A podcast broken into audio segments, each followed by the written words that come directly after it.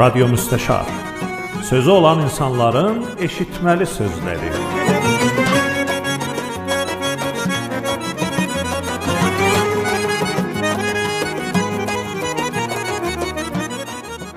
Salamlar, hörmətlər, dəyərli Radio Müstəşar dinləyiciləri. Hər vaxtınız xeyir olsun. Nə gözəl ki, bəxtiyar oldum. Yenə də bir taza Radio Müstəşar proqramı ilə və taza bir epizodla sizin qulluğunuzdayam. Bildiğiniz kimi bu gün nərmə Radio Müstəşarın 8-ci epizodu yayınlanmaq halındadır. E, Bu gün nərmə səhşənbə günü, həftənin ortancı günü və e, tir ayının 18-idir. Yenə də bir dəyərli insan Radio Müstəşarın qonağıdır. Mütə bu gözəl dostumuzla söhbəti başlamadan bir sərdə xatırlatmaq istəyirəm ki, Radio Müstəşarın rəsaləti bu nəslidə yaşayan və bu çağda yaşayan insanların sözlərin gələcək nəslərə müntəqil eləməkdir. Əgər siz bu çağda radio müstəşara qulaq asırsınız və onun yayılmağına köməklik elisiniz, sizə bol-bol minnətdarlığımı təqdim edirəm. Mən Aydın Namdar, burası Radio Müstəşar Studiosu 8-ci bölümü birlikdə başlayırıq bir balaca bir qıssa aradan sonra.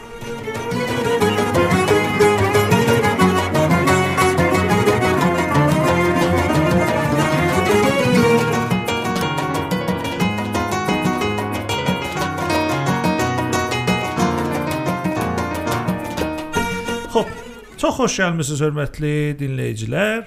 Söz söhbəti başlayırıq bir əziz və bir dəyərli insanla. E, uzun illərdən bəri dostluğumuz var və cəlibdir ki, yenə də bu dəyərli qonağımız məndən adaşdılar. Bu 3-cü aydındır ki, Radio Müstəşarın qonağı olubdu. Buracan Aydın Təbrizidən söz söhbətlərini eşitdik, Aydın Söhrabının danışıqlarını eşitdik və bu gün də əziz, sevimli insan, dəyərli fərhəngi çalışqan dostumuz Aydın Sərdariniya Radio Müstəşarın qonağıdılar. Aydıncan çox xoş gəlmisiniz. Alçaqgöyürlük buyurmusunuz. Radio Müstəşarın dəvətini qəbul eləmisiniz. E, başlanışımız bundan ibarətdir. Qonaqlarımızdan istəyimiz budur ki, özlərini tanıtsınlar. Hərçənd ki bilirəm, sizi tanıyan az da deyir. Söz söhbət sizin, buyurun. E, Salam ərz edirəm əziz Müstəşar radiosunun dəyərli eşidənlərinə və çox təşəkkür edirəm sizdən qabil bilibsiz məni və qonaq çağırıbsınız məni bura. Yaxşı. Xoş, oldu özü tanıtmaq olmadı ki. Keçən bərnamə yadınızdadır da, Siyami. Kəfsai çox Bəli, qıssaca bəli. özünü tanıtdı. Elə mən bir kəlmə deyim, axı bu olmadı ki. Və başladı uzun, çox da gözəl anlatmağa öz həyatından. Aydın çox söyürəm ki, özünü nə qədər ki söyürsən, tanıdasan. Çün belə deyim də bir şəfahi tarix keçmək halındayıq. Bilmirəm bizi neçə illər ya neçə qarnilər sonra eşidəcəklər. Vəli yəqinim vardı ki, sizin həyat hadisələriniz və o bir zətlər içində özünüzün haqqınızda deyəcəksiniz, çoxlarına gələcək nəsildə də eşitməli söhbətlərdilər. E, mən Aydınam Sərdariniya şəmsi tarixi ilə 1365-ci ildə Təbrizdə anadan olmuşam. Fərhəngi və qələm sahəsində çalışan bir ailədə atam Azərbaycanın tarixində qələm vuran məşhur müvərrix Səməd Sərdariniya idi. Böyük babam, yəni anamın atası da Azərbaycan ədəbiyyatı sahəsində qələm vuran Teymur Pirhaşim idi. Bu iki insandan ki ad gəldi, bunlar e, məşhur Varlıq dərgisinin təhririyyəsinin üzvü idilər və demək olar ki, e, mənə indi deyirlər sən varlığın nəvəsisən. Nə Elə gözəl, varlığın gözəl. 3-cü nəslisən. E, bu belənçi bir ailədə mən anadan olmuşam və demək olar elə gözümü açandan, qulağımı açandan e, dil, ədəbiyyat, hünər, fərhəng, tarix bu sahələrdə olmuşam, bunlarla böyümüşəm və e, demək olar ki, bu hitiyə ayaq qoymuşam təbiətən və indi də elə əlimdən gəldiyi qədər, başara bildiyim qədər bu sahədə çalışıram. Çox gözəl. Bir dönə getdin Türkiyəyə idin, onun macəraları nədir? Bəli, mən Türkiyədə təhsil təhsil edirdim. Teatr riştəsində lisansım ingilis ədəbiyyatı idi elə Təbrizin Azad Danışgahında, sonra mən 1378-dən ciddi halətdə Təbrizdə e, teatr hozəsində çalışırdım. E, müntaha orada da elə qələm sahəsində, yəni dram ədəbiyyatı sahəsində e, lisansdan sonra fövq lisansı Türkiyədə Ankara danışgahında teatr teoriləri, e, nəqdi və dramaturjisi sahəsində e, fövq lisansda təhsilə idamə verdim və demək olar ki, çox ciddi halətdə, təxəssüsü halətdə riştəm teatrda dram ədəbiyyatıdır. Çox gözəl. Bu dram ədəbiyyatı nə demək olur? E, Farsda ədəbiyyat nümayişi deyilir və nümayişnamə, nümayişnamə sahəsində e, bu yəni çoxlar sizi teatrın yazarı tanıyır. Bəli, bəli. Nələr yazmısınız buracan? E, nümayişnamə də, yəni mən e, məndən buracan e, öz yazdığı yazdığım bir zad əşya çıxmayıb, tərcümədə artıq bir, Hı -hı. bir işlər görmüşəm. E, bir miqdarı eşiyə çıxıb, bir miqdarı çıxmayıb və hələ də elə bu sahədə çalışıram Kimlərdən və tərcümə eləmisiniz? Türküdən ya ingilisdən? Elə hər ikisindən. Mən əvvəlminci tərcüməm qeydir 1379 və ya 80-da Təbrizdə ay Əmir Hicazı bir Bəhram Beyzaydan nümayiş çıxartmışdı səhnəyə Sultanmar adında. Bəli. E, qərar idi ki, bu nümayiş e, getsin Naxçıvanda icra versin. Çün Naxçıvandan e, Nəriman Nərimanovun Nadir Şah nümayişin getmişlər Təbrizdə müəllim talarında icra vermişdilər. Fəqət Təbrizin teatr əhalisına kargahı bir icra, nə ümumi icrası. Bildim, bildim. E, bir gün, bir seans qonaq çağırmışdılar. Təbrizin teatr əhalisinə icra vermişdilər. E, Təbrizin irşadı o illərdə istirdi ki, o işin əvəzinə bir dənə də Təbrizdən iş göndərsin Naxçıvana. Ay Hicaziyə demişdilər ki, əgər bu Sultanmar nümayişnaməsini Türkiyə çövürsəz, yollarıq orada icra verəsiz. Mənim əvvəlminci tərcümə işim e, 79 və ya 80, bəlkə də 81. Dəqiq yadıma gəlmir. Ona görə broşurlara baxaq. Hə, broşurlara görə baxaq görək. E, vəli düz elə Sultan Marın icralarının heynində bu e, tərcümə mənə tapşırıldı. İcralar gedə-gedə mən bu tərcüməni elədim, qutardım. İcralar qutarmaq həmin türküsünün təmrinləri başladı. Yəni heç bir ara düşmədən təmrinlər də olundu. Yəni Təbrizdə teatr səhnədə idi. Farsısı. Farsısı. Bəli. Eyni zamanda da siz tərcümə edirsiniz. Bəli, o sifarişi gəldi mənə, tərcümə elədim. E, e, Fars icraları qurtarmaq həmin türk icraları bilafasilə ara vermədən başlandı. Çox da gözəl iş çıxdı da, bəli, o eynən o biri e, nəticəyə çatmayan işlərə də heç vaxt da bilmədik niyə nəticəyə çatmadı. Heç vaxt da nə Təbrizdə, nə Naxçıvanda, nə ayrı bir yerdə icraya getmədi. Ancaq bu mənim əvvəlmincə ciddi halətdə e, nümayişnamə tərcüməm idi və öcürdəki mən teatr əhalisindən e, alırdım. Qabili qəbul idi və qəbulluq nömrəsini alırdı bu tərcümə.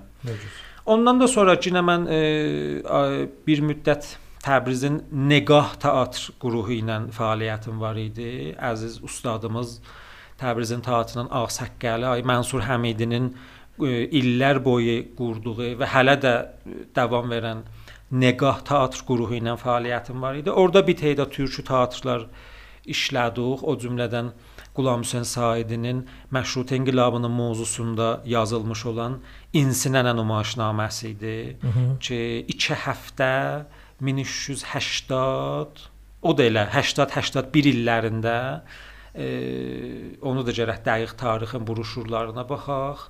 E, Təbrizin Məşrutə evinin həyətində Murda Murda dayında Məşrutənin il dönümündə 2 həftə məşrut evinin həyətində üstü açıq bir fəzada düz elə məşrutənin, yəni bizim dekorumuz elə məşrutə evinin öz saxtımı. düz qaynağında da. Dəqiqən. Yəni biz dekor vurmağa da ehtiyacımız yox idi. Çünki Saidinin o Nənə Ensi nümayişnaməsi bir dənə Təbrizin qədimi küçələrinin birində ittifaq düşürdü. E, elə bizim də dekorumuz həmin məşrutə evinin saxtmanı idi. Yəni elə ora bir daha küçədir. Burdan gəlirlər, o əldən gedirlər. Onun türküsün çıxartdıq səhnəyə. Orda Və siz tərcümə elədiniz. Hmm, yox, tərcümə Ay Həmidininki idi. Mən virastarlığını elirdim və Bəli. o e, orada mən e, kargərdan dəstyar idim, asistan idim. O mənim ciddi fəaliyyətlərimin başlanışında o idi ki, biz bunu Təbrizdə icra verdik, sonra e, Səttarxanın ağırlama mərasimində e, Sənəndəcin danışqahına çağırıldıq, orada bir icra verdik. Sonra da bizi bu işimizi Ay Həmidinin Apardı Sellər Saranı nümayişnaməsi ilə birlikdə Tehranın 1382-də Tehranın Bəhmən Fərhəng Sarayına çağırdılar Azərbaycan həftəsinə. Bu iki də teatrı aparıb orada da neçə dənə icra verdik ki, çox gözəl və təntənəli icralardan idi. Həm Təbriz icrası, həm Sənəndəc və həm Tehran. Eee Sonra ciddi fəaliyyətlərimdən elə bu ədəbiyyat sahəsində ara düşdü ta gəldi cinə. Dağınıq işlərim oldu ki, məsələn, sifariş aldım bir dənə kargərdandan, tərcümə elədim. E, səhnəyə çıxmadı. Hər dəlilə görə ya indi mücəvviz verilmədi, ya quruh özü münsərif oldu. Əsərlər öcür qaldılar. Yəni mən bir zadə əldən vermiş olmurdum. Yəni bunlar bir gün biləxərə bir dənə ədəbi əsər ünvanında eşiyə çıxacaqlar. E, bəli mən o nəticəyə çatmış əsərləri əlləşirəm artıq deyəm. Nəticəyə çatmamış əsərləri ki, qalıblar puşədə bayqan olublar. Bəlkə bir gün eşiyə çıxalar. Bilmirəm, ay lazımdır deyim. Bəli. Tərcihən məsələn mənim çox ciddi e, tərcümələrimdən biri e, Çxovun e, uzun nümayişnamələrindən biri idi. Təbrizin teatr kargərdanlarının birindən sifariş aldım bu işi ki, heç vaxt da icraya çıxmadı. Adı nə idi? E, farsısı Morğa Dəryayı, türküsü Qağayı. Qağayı. E, ki, Çxovun o dörd pərdəli nümayişnamələrindən idi ki, kamili əgər istəsə çıxa səhnəyə bir 3 saat yarım time olar. Bu demək olar e, bir il mənim vaxtımı tutdu. Mən bunu ingiliscədən çevirdim Bəli. və çox bir dənə bir ağır proje idi özünə görə ki, büyünəcən bir nəticəyə çatmayıb və ya bir gün bu Təbrizdə səhnəyə çıxsa və ya çap olsa e, nəticə veriləcəkdir. İndi də bir dənə mətnin tərcüməsinin üstündə işləyirəm ki, e, inşallah ya bu ilin axırınacan, ya nəhayət gələn ilin əvvəlinacan e, o karjerdən dostumuz ki, bu işi mənə sifariş veribdi. Sözün verib ki, səhnəyə çıxacaq. Ali. Onun da adını deməyim inşallah sürpriz, olsun. olsun bizə. Çox qəşəng. Bizə eşidənlər Aydın söhbətində qağayıdan ad apardı. Qağayı bir dəniz quşudur. E, mahnıların birində də bir gözəl işlənibdi bu qağayı. Sahildə göy söydülər adında bir mahnı vardı. Ala bilmirəm kimin əsəridir. Vəli onun şeirində deyir: Dənizdə qağayım, ağ yelkənimsən. Bizim ədəbiyyatımızda Bəli. çox gözəl bir kəlmədir. Bəli, bəli. Yaşasın. Yaxçı. Söz söhbətlərimizin bir parçası e, ölməz dünyasını dəyişmiş olan Səməd Sərdari Niya cənablarının haqqında olacaqdı. Adamın dilinə gəlir ki, deyə rəhmətli Səməd Sərdari Niya. Və vaqəən də dünyasını dəyişmiş insanlara elə belə bir kəlmə bizim adətimizdir, dilimizin ucundadır. Və aydın bir dənə həqiqət vardı. O da bu ki, belə bir adamlar elə vətərdə ölməyiblər. Yəni heç, heç ölməyiblər. Yəni o adam ki, yazdıqları bir cür yayılıbdı, düşüncəsi belə yayılıbdı və əsərləri hər yerdə hamının dəstəsindədir və onlardan da mühüm bu qədər əsər mənşəyi olubdu və əsər qaynağı olubdu. Bu adamı heç biz heç zaman ölmüş tanıya bilmərik. Mən bir dənə səndən çox sadə sualım vardı. Sonra e, Səməd Sərdariniyə cənablarının haqqında nə cür söyürsən özün danış. O da bu ki, Səməd Sərdariniyanın oğlu olmağın nə hissi var? E, bu sualın cavabında mən bir nəfərdən nəqli qol eləyim. Döştür Mehdad Bəhar e, çox özür işdəsində, Zəbanhay Bastanı işdəsində bir dənə döktürası olan akademisyen birisi idi. Məşhur əsəri Şənaxti bər Əsatir İrandır ki, özünə görə bir mərzə Bəli. kitabdır. E, bu rəhmətlik Məliküşşaray Bəharın oğlu idi. Bəli. E, bundan sonra elə dəqiqən bu sualı ondan soruşurlar və o da deyir ki, valla e, məndən soruşurlar ki, siz də şeir deyərsiz? Deyirəm ki, xeyr, mən şair deyirəm. Hamı deyir, "Əhoraba, Məliküşşaray Baharın oğluna bax. Heç şeir zad demir." heç nə təbə var, nə bizat. Sonra deyir, amma məsələn mənim bu akademik fəaliyyətlərimə baxanda təlifatım, şənaxti bər əsatir İran mərcə bir kitabdır bu riştədə filan. Bunlara baxanda hamı təhsin edir və deyir ki, da elə Məliküşşarə Bəharın oğlu da elə cəhb cür ola da. Ondan artıq intizar yoxdur, elə gərək də belə ola. Bu nəqli qovlu çoxlarından eləmək olar. və elə demək olar ki, bu məşhur insanların e, bir çoxuna sadiqdir. Bir çoxunun evladına sadiq. Bəli. Bəli. Bu vaqiəti budur ki, e, xop müsbət cənbələr də var, mənfi cənbələr də var. Müsbət cənbələrindən e, bu olur ki, insan bir dana e, adın və sanın varisi kimi olur və boynunda bir dana məsuliyyət hissi daşımaqda olur ki, başara bildiyi qədər o adın və sanın yaxçı bir varisi olsun. Mənfi cənbələrindən də bu ola bilər ki, insan çox gərək çalışa və can ata ki, özündən bir dənə müstəqil bir zat irayə eləyə bilər. Yəni o ad dalısında olmaya. A, yəni o adın kölgəsindən bir balıcıda çıxa bilər. Bəli, ya təqribən qeyri-mümkün deməyək, bu dünyada heç zət qeyri-mümkün deyil. Bəli, çox zaman aparır. O e, Allah səlamət eləsin. Riza Bərahəninin oğlu Oktay Bərahəni ki, sinema sahəsinə qədəm qoyub və atasından müstəqil o ədəbiyyat sahəsində işləyirdi bu sinema sahəsində.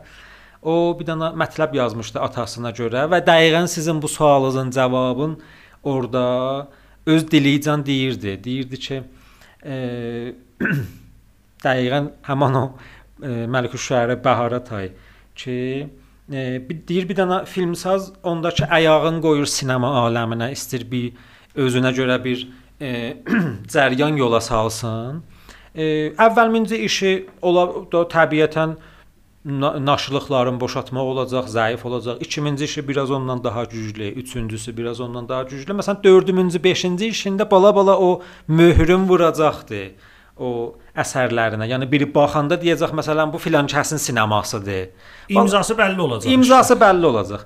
Dey amma çün mən Bərahəninin oğluyam. Lap əvvəlminci filmimdən ki da xop təbiətən naşılıqlarımı boşaldıram, hələ o istədiyim müstəqil sinemama yetişməmişəm filan. Biyo elə əvvəlminci filmimdən məni bir dana məsələn cəhani filmsaz gözündə baxırlar ki, qoy görək bu nə edəcək. Bir halda ki, baba mənim əvvəlminci işimdir, təbiətən naşılığım olacaq. Ona xatir elə nə fəqət e, mənə görə, bəlkə elə bu e, adlı sanlı əfradın hamısının evladlarına görə bu sadiqdir ki, istər-istəməz bir dana kölgə başlarının üstündə olur. E, indinin indisi elə e, bir çox yerlərdə məni tanıtdıranda özümü tanıtdırmaqdan qabaq e, öz adımı deməmişdən qabaq soyadımı deyilir. O bu təbii məsələdir. Ola bilərdi bir az sinlilərdə məsələn biraz məni incidə, bəli e, indilər də demək olar adlı olubdu biləmə və üst-üstə da fikirəm başara bildiyim qədər təvsif eləyə bildim. Bəli, bəli, bəli, dəqiq. Yaxşı, gəlin ay Sərdariniyanın söhbətinə. E, Səyirsən nə cür anlatasan? Əsən belə bil ki, bizi eşidənlər Səməd Sərdariniyanı tanımırlar. Əlbəttə bu ağır bir fərzdir ha. Bəli, belə bir fərz eləyək. E, çün əgər həyatda olsaydılar, hətmən mən xidmətlərinə yetişib və təqaüd eləyəcəydim ki, alçaqgörüllük buyurub və radio müstəşarın qonağı olsunlar. Vəli bu günlərimə yoxdular və siz onların nümayəndəsisiniz. İstəsək gələcək nəslə Səməd Sərdariniyanı öz evladının dilindən tanıdaq, nələr eşidə bildik? Ərz olsun ki, mən heç kəsin nümayəndəsi deyirəm. Mən e, eynən o biri insanlara tay, bir dənə tarixin əlaqəməndiyəm, tarixin müxatabıyam. E, və studiyoya gəlməmiş mənim o birisi otaqda oturmuşduq dəftərimdə və söhbət edirdik. Dedin ki, mən özüm də atamın elə bir dənə müxatabıyam. Bəli. Bu mənə bəh yapışdı. Elə dəqiqən onu istəyirəm deyəm. Mən heç kəs heç kəsin nümayəndəsi deyil. Yəni e, mən də bir kəsin nümayəndəsi tanımıram özümü. Mən də ilə o biri əlaqəməndlərə tay bir dənə tarix əlaqəməndiyəm, tarix sevən birisiyəm. Başara bildiyim qədər e, tarixdə mütaliə edirəm. Riştəm tarix deyir e, və e, mən də bir dənə müxatəb kimi Səməd Sərdariniyanın kitablarını oxumuşam, başara bildiyim qədər istifadə eləmişəm və istəsəm bu mövzuda nəzər verəm, eynən bir dənə müxatəb kimi öz şəxsi nəzərimi deyəcəyəm. Müntə istəsək bu adamı tanıma, tanıma, e, nə Tanımayan adamları tanımayan tanımaq. birisinə istəsək tanıtdıraq. E, bir dənə ay Sərdariniya ömrün qoydu tarix hövzəsində, Azərbaycan tarixi hövzəsində. Bu sahədə 30 ünvan kitab sahibidir. Mən e, indi çıxartmaq halında olan Varlıq dərgisinin 7-ci sayısını vicdanamə ixtisas verdim ay Sərdariniya. Bəli, əlbəttə. E, bir nüsxə də o saydan burdadır, lütf eləmisiniz, töhfə gətirmisiniz. Xahiş edirəm. Müstəşara. e, İndi mənim əlimdədir, bəli. və ay Ana varlıq 7-ci sayı yaz 1397 Vicdanamə doktor Səməd Sərdariniya. Bəli, e, demək olar e, ölümlərinin 10-cu il dönümü münasibətinə bu vicdanaməni biz çıxartdıq. Orda mən demək olar ki, başara bildiyim qədər e, tanıtmışam e, ay Sərdar. Bir dənə çox çox müfəssəl bioqrafi yazmışam e, bilələrindən və bir dənə çox-çox müfəssəl kitabşünasi məqaləsi Nə və gözəl. bəqiyyəsi də ki, müxtəlif tənqidi, təhlili və xatirə kimi yazılardır və bir dənə də çox müfəssəl e, əks albomu və əsnad mədarik e, albomu vardı bu vicdanamənin içində. 30 ünvan tarixi kitab e, sahibidirlər. Bunların e, demək olar ki, m, e, 25-i hududən təlifi kitablardır. Təqribən 4 ya 5 dənəsi tərcümə kitablarıdır. Bu 30 ünvandan hududan 22-23 ünvan bu günəcən çap olubdur və 7-8 ünvan hələ də ki hələdir çap olmamış kitabların listindədir. Elə o kitabşünasi məqaləsində də çap olmuş və çap olmamış əsərlərin hamısı kamil tanıtımları gəlib orada. E, Bir planınız vardı çap olmamış kitabların yayılmağı. Müsəlləmən, müsəlləmən. Elə e, bunu istirdim deyəm ki, mən e, bir kəsin nümayəndəsi özümü adlandıra bilmərəm. Nəhayət bu ola bilər ki, ay Sərdariniya mərhum olandan sonra bunun əsərlərinə sahib çıxmaq, çap olmuş əsərlərinin təlif e, həqlərinə sahib çıxmaq, mənəvi və maddi e, həqlərinə sahib İndi çıxmaq. həqlər sizə aiddir da, düzdür? Müsəlləmən. Və sizin ailəzə. Bəli, Bəli. müsəlləmən. E, onların təcrid çapına yetişmək və çap olmamış əsərlərin çapa hazırlayıb çapa yetirmək işləri mənim e, bizim boynumuza düşür. Hı. E, biz elə Ay Sərdariniya mərhum olanda 1387-də mərhum olanda biz e, Təbrizin irşadına bir dənə bir e, Bunyad Hifz və Nəşr Asarı Dökür Səməd Sərdariniya e, mücəvvizi almağına iqdam elədik ki, mücəvviz verilmədi bizə. Hala Bu günəcən də verilməyib. E, Yox da biz də dalısını tutmadıq. Çün özlərinə də bu cavabı verdik. Dedik ki, e, hər halda o e, mərhumun əsərlərinə sahib çıxmaq düşür bizim boynumuza. Biz hər halda bu vəzifəni başara bildiyimiz qədər yerinə yetirəcəyik. İndi bu bünyad e, mücəvvizli bir bünyadın sayəsində olsun, ya olmasın. Həmin işləri biz indi görürük.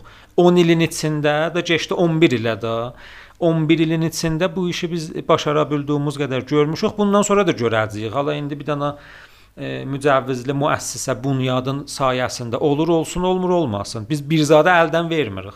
Da biz də dalısını tutmadıq. Onlar onda mücəvviz vermədilər, biz də dalısını tutmadıq və elə əməli halətdə həmin işi idamə veririk və elə bundan sonra da idamə verəcəyik. E, Ay Sərdariniyanın foutundan sonra e, əsərlərinin murduna nə işlər görülübdür? Taza bir kitab çıxıb, təzyiq çap olub. Bəli, bəli. Mən e, Ay Sərdariniyanın kitabları dağılmışdı müxtəlif naşirlərin arasında.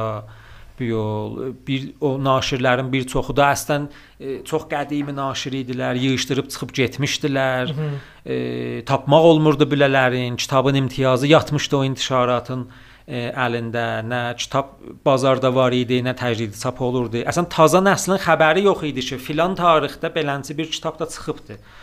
Mən əvvəl işçi gördüm, bu bir dənə list çıxartdım özümdən, hansı kitab hansı naşirin əlində. E, dana-dana bunların hamısının imtiyazını yığdım bir yerə, aldım bilələrindən və hamısını yığdım Təbrizin bir dana naşirinin əlinə. Kimdədir indi? E, Təbrizin Əxtər intişaratının Bəli, əlindədir. E, və e, əziz dostum, e, çox dəyərli qrafist Məhyar Əlizadə e, onlar e, özü gəldi mənə pişnahad verdi ki, mən istəyirəm Ay Sərdariniyanın məcmui asarına bir dənə uniform tərrahlıq eləyəm və bunun məcmui asarı bir dənə bəlli uniformla cil tərrahlığı olunsun. E, ki müsəlləmən çox da istiqbal oldu bizim tərəfimizdən. Çox gözəl bir uniform tərrahlıq elədi. İndi də o tarixdən bu ələ ki, bu kitabların intişarı düşübdü mənim əlimə. E, buraca nə mənə təcdid çap olub və ya çap olmamış əsərlərindən çap olub, hamısı o uniformun qalibində olub. Yəni Ay Sərdariniyanın kitablarının hamısını kitabxanada dənə qəfəsədə bir rədifə yığanda elə uzaqdan bilinir ki, filan kitabdan filan kitabacan filan kəsin məcmuasıdır. E, Kalmənən bir dənə bəlli bir uniforma yığılıbdı. Aydın indi biri baş vursa Əxtər kitabxanasından o məcmuəni birlikdə ala bilər. Bəli, gözəl. Bəli. Oracan ki bazarda vardı, bəli. Aha. Oracan ki eləyə bilmişik, e, tapılmayan kitabların təzdid çap eləyək, oracan ki eləyə bilmişik e, çap olmamış kitabların çap eləyək. Bəli, oradan ki bazarda var, təhiyyə eləmək olar. E, çox qəşəng. Çox qəşəng. Xoş, kitablardan danışaq. Yəni düzdür çox bətər ittiliat vermədin Ay Sərdariniyan həyatına görə. İndi gələcəm ora və o ittiliatı da alacağam biləndən. Vəli biraz kitablardan danışaq, sonra gələk Ay Sərdariniyanın öz həyatına görə danışaq. Xoş, kitablardan buyurun. Yap e, tərəfdarlı olan kitablar hansılardır, ya tanınmamış kitablar hansılardır? Əlbəttə ki, burada bu varlığın özəl sayəsində vardı, ha bunlar. Hamısı, bəli, cüz'iyyatı ilə, yəni hər bir kitaba kamil və cami bir tanıtım iraə olunubdu. E, Ay Sərdar, xop elə bütün müəlliflərin, müsəlləmən Ay Sərdariniyə onlardan müstəsna deyil. Bir tədə kitablarının müxatəbi ammıdır. Bir tədə kitablarının müxatəbi çox xassıdır və çox təxəssüsü kitablardılar. E, müntəha hamıdan e, çox tanınmış və hamıdan am müxatəbli e, kitabı ki də demək olar o kitabın ünvanı Təbrizin adı ilə birlikdə gəlir. Bəli, Təbriz şəhəri əvvəlin ha kitabıdır ki, 40 fəsldən ibarətdir və hər fəslidə bir və ya neçə e, pədidə e, təməddün nişanələrindən sayılan bir pədidə ki, İranda əvvəl dəfə ya Təbrizdə e, ittifaq düşüb ya və ya bir Təbrizlinin əli ilə İrana ayaq qoyubdu, orada tanıtdırılıbdı. Bu kitab indi demək olar yerin tapıb bəli, millətin bəli. arasında və Təbrizə bir şinasnamə kimi sayılır və indi də Təbrizi bu ünvanla tanınır. Bu çox amma müxatəbli bir kitabdır. Yəni hər kəs hər hansı riştədən, hər hansı təxəssüsdən bu kitaba baş vuranda müstəqim və ya qeyri-müstəqim bir fəslin içində öz riştəsinə raci bir zət tapa bilir. E, indi hər hansı sahədə olur olsun. Bəli, xop bu iki səbəbdən daha bir ay Sərdariniyanın çəkdiyi zəhmətdəndir.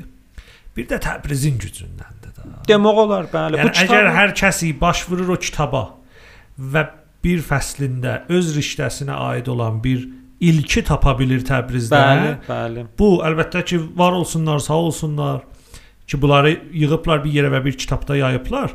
Bir də xop bizim də torpağımızı sağ olsun. Bu torpaqda yaşayanları sağ olsunlar ki, elə bir miras da qoyub gediblər də. Müsəlləmən, müsəlləm. Bu kitab axı məndən bu sualda soruşurlar. E, ki məsələn neçil çəkib bu kitabı yazsınlar. Hı. Əslən bir tarix demək olmur. Bu ay Sərdariniyanın e, o əsərlərindəndir ki, maqqabla yığılıbdı. Yəni Bəli. o e, təhqiqlərinin e, gedişatı öz yolun gedə-gedə, məsələn Ay Sərdariniya misal deyirəm, e, məşahir Azərbaycanın üstündə işləyirdilər. Bir dənə əvvəlin rast gəlib tez bir dənə fəsl yazıb izafə eləyib bu fəsllərin birinə. Ya məsələn Azərbaycanın mətbuat tarixinin üstündə işləyəndə cinə bir dənə əvvəlinə rast gəlibdi onu bir fəsl eləyib artır. Yəni maqqabla zaman içində mümkündür məsələn 2 il zaman 2 ilin ərzində heç bir bir paraqraf izafələnməyib bu kitaba. Mümkündür 1 ilin içində məsələn 3 fəsli təlif olub. Ancaq bu bir dənə zaman deyə bilmərik. Bu tarixdə başladı, bu tarixdə qutardı. Bunlar elə tələsilməyibdi. Bu bir dənə yazıçının bir ömr zəhmətinin nəticəsidir ki, e, biz onu e, E, ona şahid olmuşuq ki, xoşbəxtanə ay Sərdariniya özü həyatda olan zaman bu kitab çıxdı. Hansı ildə? Ə, əvvəl çapı 81 e, və ya 82 Aha. olacaq. Amma ə, mütəəssifanə bu, bu cür əsərlər müvərrixlərin bu cür əsərləri ki, maqqabla yığılır. Mən maqqabla yığma istilahını işlədirəm. Gözəl təbirdir, gözəl təbir. E, yəni 1 ay, 2 ay, 3 il, 5 ilin ərzində oturub məsələn tərəf dizin qətləməyib dizinin üstünə otursun filan kitabın üstündə işləsin, filan tarixdə başlasın təlifə, filan tarixdə təlifi qutulsun, versin naşirə, o da versin çapa, müntəşir olsun. Öcür deyir. Bu e, zaman aparıb, bir ömür vaxt aparıb ki, bu maqqabla zərrə-zərrə bunları yığsın, pazelin tikələri kimi düşsün bir-birinin yanına, eləsin bir əsər. Müvərrixlər, bir çox müvərrixlər vardılar ki, belənçə əsərləri ki, bir ömür zəhmətinin sayəsində bunu təlif eləyiblər və mütəəssifanə özləri həyatda olmadıkları zaman ya çap olmayıb, ya sən itib batıb. Hmm. İtib batıb. Mən məsələn e, indi də şəfaət tarixdir da bizim söhbətimiz, bəli, sözün bəli, gəlişi. Bəli. E, bir dənə ayrı bir rəhmətli olan Təbrizin müvərrixlərinin birindən mən bir ad aparım. E, rəhmətli Yəhya Zoka ki O da elə ömrün qoydu tarix hozasında məxsusən Azərbaycan və Təbriz ta e, tarixinin hozasında e, bir nəfər bizim dostlardan biri Tehran'da e, bir təriq ilə biz tanış olduq. Miyanalı idi elə telefonda huzurda görüşənməmişik. Yahya Zukanın öz həyatına görə bir dənə bir təhqiq aparırdı məndən bir para köməkliklər istədi. Telefonda danışırdıq, deyirdi ki, Yahya Zukanın bir dənə hələ bir çox təntənəli əsərlərindən işimiz yox. Bunun bir dənə çox e, qalin geyim və e, əzəmətli və həmin bu maqqabla yığılmış bir əsəri var. Tarixi Təbriz adında. Yəni kitabın adı deyir bax ki, bir ömür hə, zəhmət çəkilibdi. Yəni bu e, məsələn bu rəhmətlik Zəminlərzihay Təbrizi təlif eləyib. Bu rəhmətlik nə bilim bir çox Təbriz tarixində kitab ə, e, əsərlər işləyibdi. Onlar hamısı elə bir yığılıb, hamısı olub bir dənə cami ensiklopedik bir əsər, Tarixi Təbriz adında. Bu adam foutundan qabaq e, bu kitabı verir Tehranda Miras Fərhəngi İdarəsinə Xatəmi zamanı idi. Ay Behiştidə Miras Fərhənginin rəisi idi. Verir ora, onlar da təsvib edirlər ki, çap eləsinlər. Bu yol verirlər bir dənə naşirlərin birinə ki, sərmayəsi Miras Fərhəngi idarəsindən bu naşir bu kitabı çap eləsin. E, bu kitab gedir nə bilim indi hala ya taypa ya indi hər hansı mərhələyə də orasından xəbərimiz yoxdur. Dövlət əvəz olur. Ay Xatəminin dövləti dəyişilir. Ay Behişti Miras Fərhənginin riyasətindən dəyişilir. O fasilədə ay Zuka da fot eləyir. Bu kitab itir batır. Aman, aman, aman. Yəni aman. o bizim o mühəqqiq dostumuz mənə bu sözü deyəndə əsən elə bir, bir qazan geynər su tökdülər mənim başıma ki. İndi eşitməli çox ağırdır. Yəni deyir mən getdim bu kitabın dalısıcan. Ay behiştini tapdım o naşir ki, qərar idi bunu çap eləyə, onu tapdım. Hər kimə getdim, dedilər ki, baba o cəryandan 20 neçə il keçir. Hə, bir şeylər yadımıza gəlir. Bizatlar gəldi əlimizin altına. Hə, bizatlar xat bir məhv halətdə yadımızda və bilmirəm nə oldu. Deyir mən hər kəsə getdim dedim, "Xoş, indi o kitab çap olmayıb da. Əl yazması hanı? Onun faylı hanı, puşəsi hanı?" heç kəsin xəbəri yoxdur bu kitabdan. Yəni nə miras fərhəngi dairəsində xəbər var, nə ona o naşir əslən xətdən dəyişib. Düşüb məsələn konkurs kitabı. Hə, məsələn ayrı bir xəttdə düşüb. Deyir əslən day biz o, o fazda day dəyirik. O təxəssüsü kitablarda yox. İndi məsələn xop bu rəhmətlik Yahya Zukanın bu kitabı nə oldu? O da elə o cami və kamil kitablardandır. Ancaq sözü qeyd edirəm Təbriz şəhər əvvəlin ha kitabına ki xoşbəxtana Ay Sərdarinyanın özü həyatda olduğu zaman bu kitab çap oldu. Özləri bu kitabın çap olmasına şahid oldular. Nə gözəl. Və eyni halda bu kitab heç vaxt kamilləşmədi. Yəni bu kitab o əsərlərdəndir ki, heç vaxt kamilləşməz. Nə qədər üstündə işləsək yeri var. Cinə elə bir əvvəlinlər vardılar ki, e, müsəlləmən ya Sərdarinyan gözündən etiblər, ya rast gəlməyib biləsinə. E, və inşallah ki, ayrı mühəqqiqlərin təvəssütü ilə bu yol davam tapar və bunun fəsllərini artırırlar. Bunlar elə bizatlar deyirlər ki, son nöqtəsi qoyula bilər. Günə də mümkündür bir dənə əvvəlin rast gələr ki, heç kəs rast gəlməyib biləsinə. Şayad bir dənə bir cavan mühəqqiqin əli ilə bu ittifaq düşə. E, bu lap tanınmış əsərlərindəndir. Bir tədad da çox təxəssüsü əsərlərindən vardı ki, məsələn, həmin bu Təbriz şəhər əvvəlin ha kitabı ki deyirəm hər fəsli bir dənə mövzuya və rişdiyə və təxəssüsə təəlluqu var. Rəhmətli Qay Sərdariniyə deyərdilər, deyərdilər ki, e, mən bu kitabın hər fəslini bir dənə mücəzzə kitab eləyə bilərəm. Əgər ömrü baqi olsa. mən bu kitabın hər fəslində fəqət sərfəsliləri iraə eləmişəm. Bu bu, bu sərfəslilərin hərəsi bir dənə mücəzzə kitab ola bilər. Əgər ömrü baqi olsa, mən bir-iki moridində işlədilər. Vəli xop hamısı olmadı. O bir-iki moridin biri e, bir dənə kitabın təlifinə müncərr oldu. Təbriz Məhd sənəti çap dar İran. Bəh. Ki kamilən təxəssüsü bir kitabdır və tanınmamış kitabların içində, az tanınmış kitabların listindədir. Çünki çox təxəssüsüdür.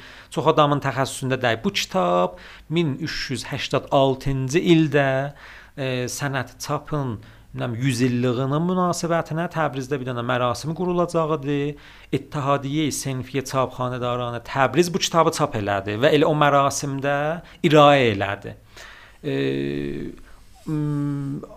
bir dənə də çap olmamış kitablarının biri vardı ki, Təbriz şəhər əvvəlin hanım fəsllərinin biridir. O da Təbrizin bələdiyyəsinin şərhdarısının 100 illik tarixidir ki, onun özünün bir dənə təlif olunması və niyə bu günəcən çap olmayıb, özünə bir dənə müfəssəl bir e, dastandır ki, mən o e, Varlıq məcəlləsinin vicdanaməsində o müfəssəl halətdə e, tozih vermişəm. O da çap olmamış əsərlərindəndir ki, inşallah e, o da bir gün çap olar. Təbrizin e, 100 bə bələdiyyəsinin 100 illik tarixidir və Günə də aya bir sualınız Çox olsa. Bir dənə burada mənə sual ariz olur Aydın. Mənim bir dənə 3 yaş yarımında evladım vardı. Bu bilmirəm bir seri məhdə gedir, bir seri bir öz yaşına aid olan klasslara gedir. Düşünürəm ki, bu boya başa çatanda əslən heç mənim evladım da sayılmasa, bir dənə bir e, addi bir ailədə dünyaya gəlsə, harda qərardı Səməd Sərdari niyə toxuna və harda qərardı bu düşüncə ilə tanış ola? Çün Ay Sərdariniyanın əsərləri və düşüncəsi bizim amuzişi nizamımızda sən yeri yoxdur. Yəni əgər xanivadələr fəqət müntəzir olsalar ki, uşaqları kitabı dərsidən bir şeylər öyrəşsinlər, hətta biz mütməyinik ki, bu tezliyə Səməd Sərdariniyə rastlamayacaqlar. Xoş bəs harda taza nəsl gələ Səməd Sərdariniyanı və ayrı ziyalılarımızı tanıyırlar və buna nə etməliyik biz? Valla rahat deyir bu sualın cavabı. Vəli eləcək bizlər verək də. Xüsusən Bəli. siz ki, Səməd Sərdariniyanın biləxərə e, əsərlərini Hafiz mənafeyisiz, bunları rüşd verənsiz, tövsiyə verənsiz. Nə etmək olar? E, xop elə dərsi kitabların içində olmasa, gərək bu bir dənə fوق bərnaməvi bir halətdə bir dənə bir kitab oxuyan bir mədrəsə uşağı gedə iktifa eləməyə dərsi kitablara və gedə öz əlaqəyi və səlahiqinin dalısına və indi bu yolun içində bir yerdə rast gələ buna. Bizim əlimizdən gələn bu ola bilər ki, öz tariximiz. Hala fəqət mən Ay Sərdariniyan kitablarına bəsənd eləmirəm. Mən deyim tariximiz hozasında. Bəli. Bu elə ədəbiyyatımıza görə də sadiqdir, dilimizə görə də sadiqdir, hünərimizə görə də sadiqdir. Biz bu hozanın çalışqanları olaraq əlimizdən bu gəlir ki, başardığımız qədər təbliğ eləyək, tərvic verək, tanıtdıraq. Ərz olsun ki, indi hər nə yolundan olur olsun. Elə həmin bu radio, həmin bu podkast o yolların biridir. Özür. İndi məsələn mən bir dənə e, dərgim var, dərgi çıxardıram. Başardığım qədər e, öz fərhəngimiz, tariximiz, ədəbiyyatımız, dilimiz hozasında kitabları tanıtdırmaq öz dərgimdə bu da o yolların biridir. Yəni indi nə qədər bu kafidir, kifayətdir. Ona görə biz e, qəti bir nəzər verə bilmərik. Bu əlimizdən gəldiyi qədər budur ki, eləyə bilək ki, E, bir dənə Səməd Sərdariniyanın həyatının bir dənə önəmli bir bölümünə istəyirəm işarə eləyəm. O da dünyasını dəyişməkdir. E, necə oldu və niyə bu qədər tez biz əldən verdik Səməd Hmm. Sərdariniyanı?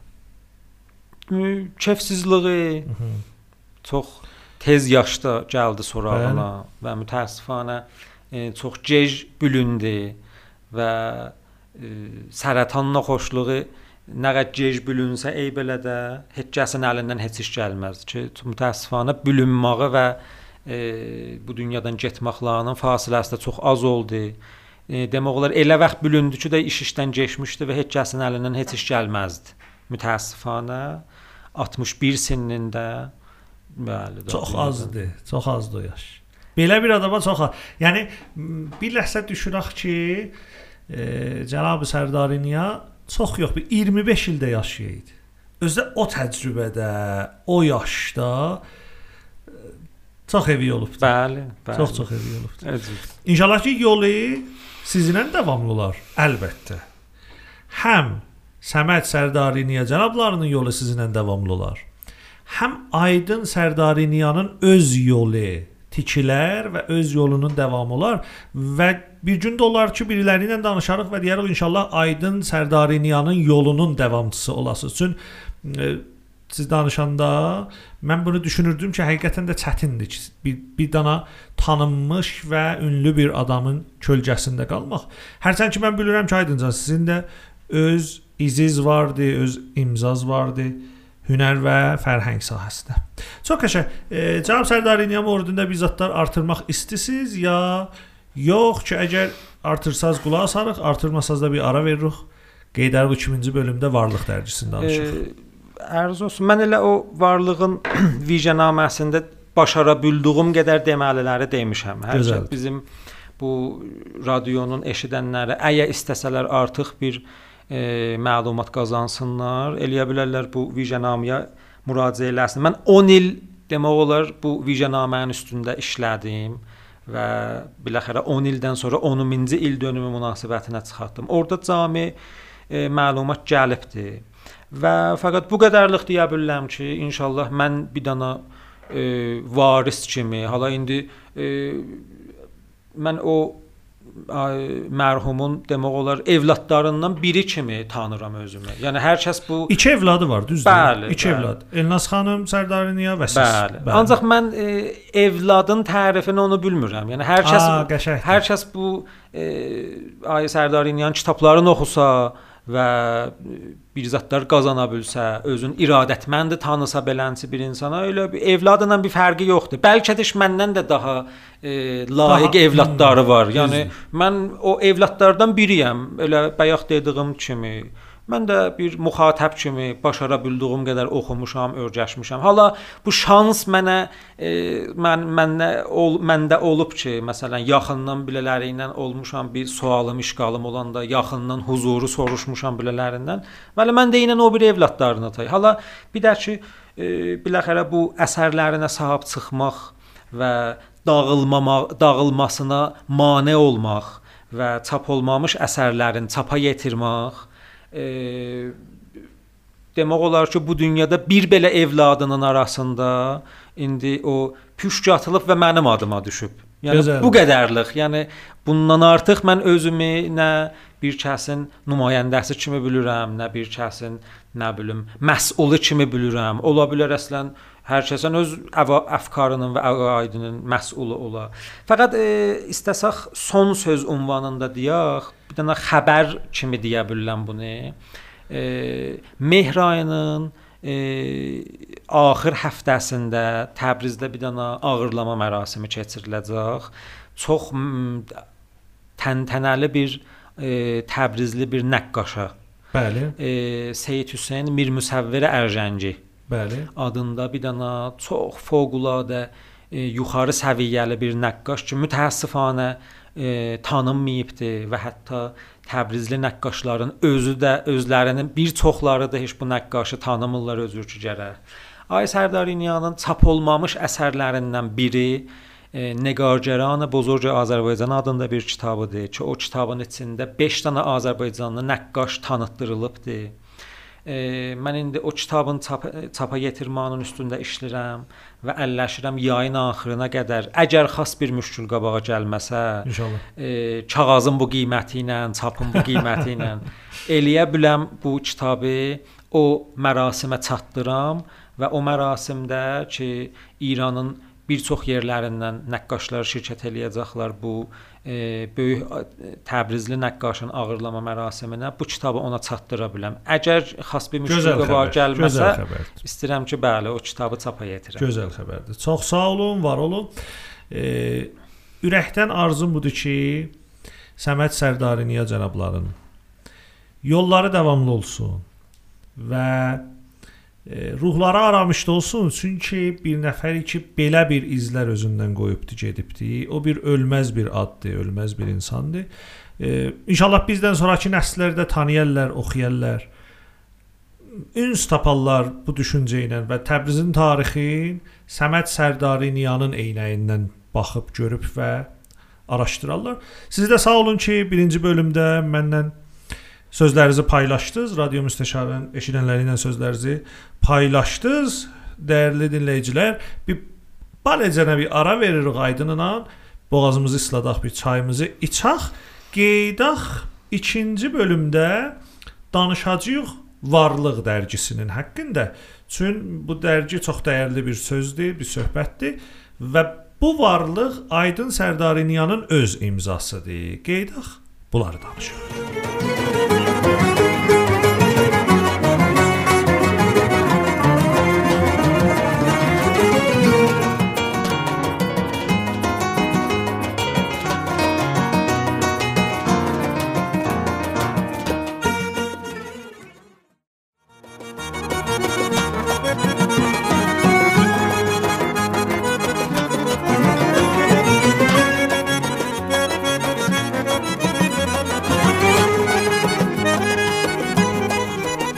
Radio Müstəşar yoldaşları 8-ci epizod 2-ci bölüm Aydın Sərdariniyanın söhbətləri. Çox sağ olun ki, birinci bölümdə bizimlə yoldaş oldunuz. Gedək ikinci bölümə və Aydınla Varlıq dərgisinin haqqında danışaq. Sizə də bir söz deyim, sonra gedək qabağa da. E, bilirəm ki, çoxları deyəcəklər ki, axı bu nə radiosudur ki, özün qurmusan, özündə adaşlarını çağırırsan. 8-ci bərnamədə bu 3-cü Aydındır ki, mənim qonağım olubdu. Aydın Təbrizi, Aydın Söhrabi, Aydın Sərdariniya. Vallah da bu mənim günahım deyil ki, şəhrimizdə aydınlar biraz çalışqandılar da, yerdə göydə durmayandilər. İstəsəm çağıram gərək Aydın Şatriyanı çağıram, Aydın Kaşifi çağıram. Aydınlarda çalışqan adamlar çoxdular. Yaxşı. Cənab Sərdariniya söhbəti siz aparın qabağa Varlıq dərgisinə görə. Əsən hardan başladı, macərası nə mənədir? Özür ki buyururdunuz. Siz bu dərginin mirasçısısınız. Sizdən qabaq nə işlər olmuşdu və indi halükar nə mənədir? E, Varlıq dərgisi e, demək olar 57 inqilabının ən- e, xidməti gedir 57 inqilabına. 57 inqilabındakı bir nisbi halətdə dil azadlığı e, İranda yarandı. E, döktür Cavad Heyət və döktür e, Həmid Nutqi e, bu qərara gəldilər ki, öz ana dilimizdə bir dərgi yola salsınlar və bu iki əziz 6 nəfər təhririyə heyəti ilə ki ibarət çox məşhur bir 8 nəfərlik əksləri vardı. Döktür Cavad heyət, Döktür Həmid Nutqi, Döktür Qulam Hüseyn Bəydili, Teymur Pirhaşimi, Həsən Məcidzadə, Əbdülkərim Mənzuri Xamneyi, Əli Kəmali və Səməd Sərdariniyə. Bu 8 nəfər demək olar ki, Varlıq dərgisinin qurucular və təhririyə heyəti ünvanında işə başladılar və e, ölümdən sonra heç bir amil bunları bir-birlərindən ayırmadı. Bu, bu dərgi 1357-nin 58-in əvailindən başladı çıxmağa və müdavim halətdə döştür heyətin e, mərhum olmağı ilə həmzaman e, deyilə o mərhum olan zaman 172-ci sayısını biz çıxartdıq. Yəni Çox gözəl. 172 sayı bu 35 il hududən e, ömründə çıxdı. Bu müdavim halətdə qırılmadan Hər ay. e, Yox, ya fəslliğidir. əvaildəki başlamışdı aylıq idi. Aha. Sonra bir müddət keçəndən sonra 2 aylıq oldu və bu axirəcən 3 aylıq fəslnamə şəklində çıxırdı. E, 1393-də e, ay döktür heyətin e, mərhum olmağı ilə bu dərəcədə dayandı və müsəlləmən heyf idi biz bu yolu davam verməyək və bu yol döktür heyətin e, mərhum olmağı ilə dayanı idi. E, Niyə dayandı? Davam eləyə bilməzdiniz? yox, yox da biləxərə Qanuni ləhazdan. Bəli də o biləxərə imtiyaz sahibi ki fot elədi. Bunun niyə qanuni ləhazdan da yolu var idi. E, İranın mətbuat qanununun əsasında imtiyaz sahibinin e, mərhum olmağından 6 ayacan fürsət vardı ki, o dərginin imtiyazına görə bir pərvəndə təşkil verilə. İrşad Vizarətxanasında mətbuat müavinətində. Daha lazımə soydu vərəsələr müşəxəs olunsun. Bu vərəsələrin e, içindən bir nəfər öz aralarından və ya öz eşikdə öz cəmlərindən eşikdə bir nəfərə bir vəkalət verilsin. Onun adına irşadda bir pərvəndə açılsın və bu idarə mərahil qabağa getsin ta həmin o dərcinin imtiyazı hifz olsun və e, 173-cü sayəyə davam Aha, verilsin. Elə onu soruşurdum ki, yəni bu iş olsaydı 173-cü sayı çıxacaqdı. Bəli. Hətta 173-cü sayının mətalibi də hazır idi. Ay ay. Bu yol və ki da döktür heyətin e, ömrü kəfaf vermədi və 173 heç vaxt çıxmadı. E, biz çox əlləşdik. Elə həmin o varlığın təhririyyəsi dəfələrlə cələsə qoyduq, yığışdıq.